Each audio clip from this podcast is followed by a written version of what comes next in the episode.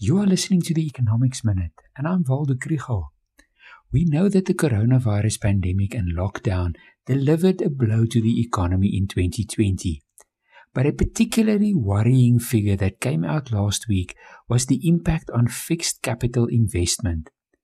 Nedbank keeps track of capital projects larger than 20 million rands and found that for the whole of 2020, only 32 new projects were launched. This is the lowest number since 1993.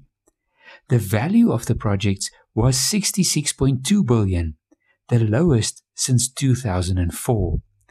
In total, fixed investment in 2019 was about 17.9% of GDP.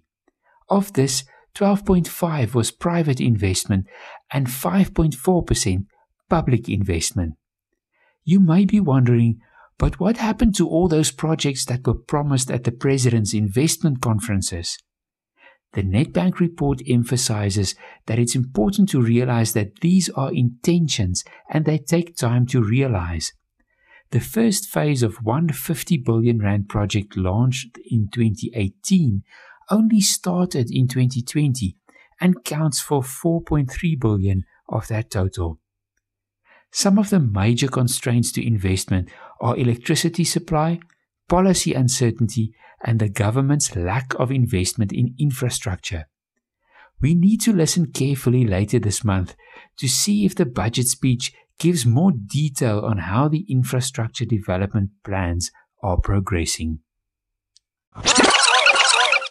If you want to learn more about the economy, follow the Econ 101 page on Facebook.